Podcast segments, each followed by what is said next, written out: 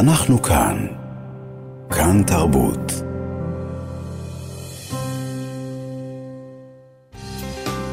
עכשיו במה שכרוך. קוראת לסדר. מה שכרוך, בכאן תרבות, חזרנו ואיתנו החברותא שלנו, חיה גלבוע, עם הפינה של הקוראת לסדר, והסוגיה התלמודית החדשה שלנו לשבוע זה, שלום חיה גלבוע. שלום יובל, שלום מאיה. שלום וברכה. במה אנחנו עוסקים היום?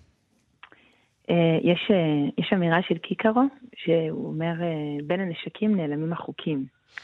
זה נראה לי מין ורסיה מסוימת לכשהתותחים רועמים, המוזות שותקות. Mm-hmm. ועל זה הפינה היום. על, על אתיקה במצב שבו כל הנורמות משתנות, ועל מי שנשים את, ה, את הזרקור יהיה על הלוחם. זאת אומרת, נשאל מתי, מתי החזית בעצם הופכת דווקא לעורף, ואת מי החברה משחררת מהקרב. אוקיי. הם התעסקו שם בכל הסוגיות שאפשר, הכל, פשוט, דבר לא חומק מהם. אוקיי, אז בבקשה. מאיפה אנחנו קוראים?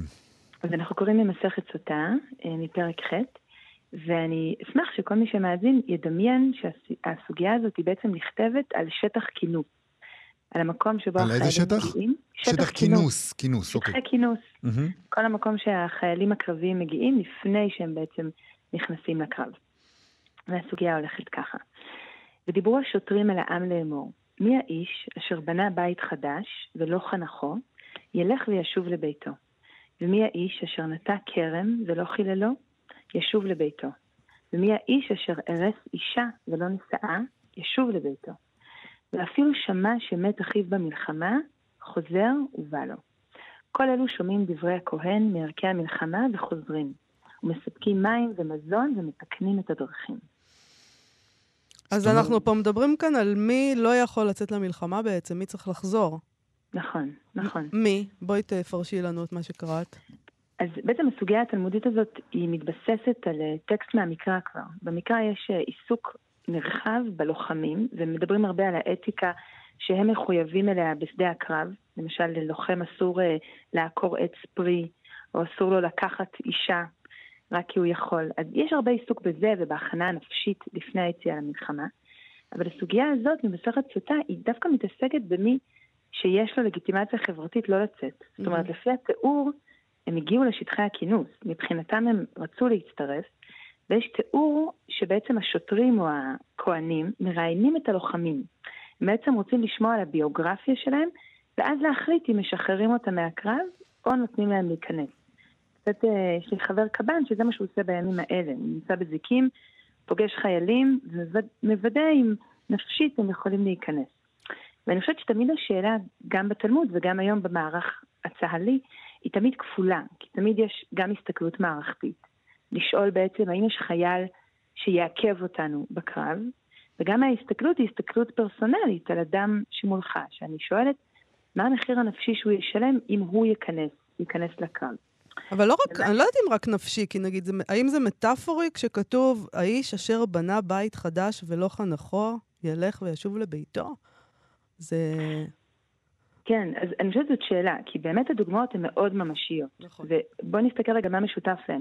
יש אדם שבנה בית ולא זכה לגור בו, יש מישהו שעבד ונטע כרם ולא נהנה מהפרי, ויש פה מישהו שאירס אישה, זאת אומרת, הוא עדיין לא היה איתה באינטימיות, והוא יוצא לקרב.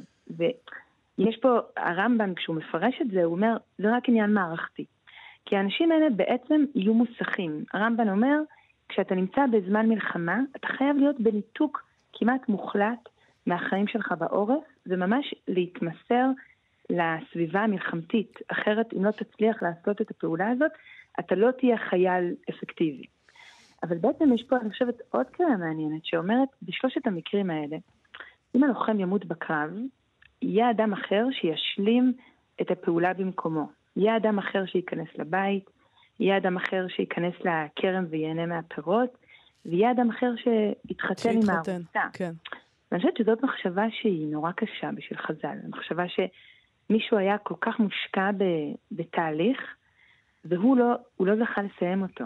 המחשבה שהגענו כמעט עד, ה, עד הקו הסופי ולא מימשנו, היא מחשבה קשה, ואני חושבת שיש פה קריאה שאומרת, האנשים האלה, כרגע אנחנו מרשים להם לחזור הביתה, בעצם לממש משהו שהם היו מושקעים בו, רק אחר כך להצטרף למלחמה, בשבילהם. את יודעת, זה, אני, אני, זה פרשנויות uh, ש, שמסבירות לי, כי כשאני קראתי את זה בפעם הראשונה, חשבתי לעצמי שמשהו משותף בין כל האנשים האלה זה מישהו שלא הספיק משהו. שזה גרסה מאוד, uh, די שונה מהגרסה הפרסונלית שאת uh, תיארת. כי, כי זה אילו מישהו שלא הספיק עדיין לחיות, ואמרתי לעצמי, אוקיי, בסדר, ברור שהם לא הספיקו, אבל את מי אנחנו כן שולחים למלחמה?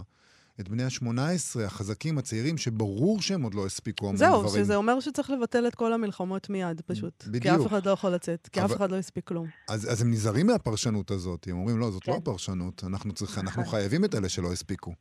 נכון, נכון. גם אני, אני רואה סביבי המון המון זוגות שהם מתחתנים עכשיו, בתוך מה שקורה.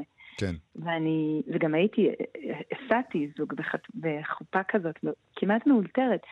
והיה משהו שהבחורה אמרה לי, אני, כאילו, אני לא, לא אוכל לחיות עם עצמי. התארסנו כבר, ארבעה חודשים אנחנו מאורסים ממשהו יקרה לו. כאילו, זה משהו שאני רוצה לממש את זה, רגע לפני שהוא יוצא אל הקרב, אל הלא נודע.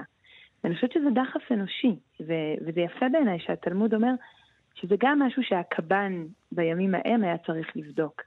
אם יש איזה משהו בחיים שלנו, בביוגרפיה שלנו, שכמעט מימשנו, שהיינו מאוד מושקעים בה, ולא לא השגנו. אני חייב לשאול אותך משהו קצת ציני מהצד השני. אה, אחת הבעיות אה, בפירוט כזה של החוקים ושל ההסברים, שזה נגיש לכל, זה שאם מישהו לא רוצה לצאת למלחמה, הוא יודע מה הוא צריך לעשות. הוא צריך לטעת כרם, הוא צריך לבנות בית, הוא צריך להתארס לאישה. זאת אומרת, אה, זה לא רק, זה גם פתח לתרמיות.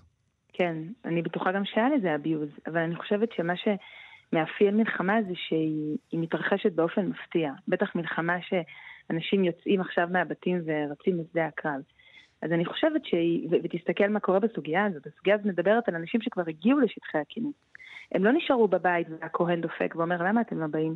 ואז הם אומרים, אה, כי נתנו כרם. Mm-hmm. הם, הם דווקא מבחינתם רוצים לבוא ולהילחם. והצבא שאומר להם, לא עכשיו, כאילו יש משהו שאתם צריכים לתעדף יותר גבוה על פני שלום האומה, וזה משהו אצלכם בבית, וזה חזק.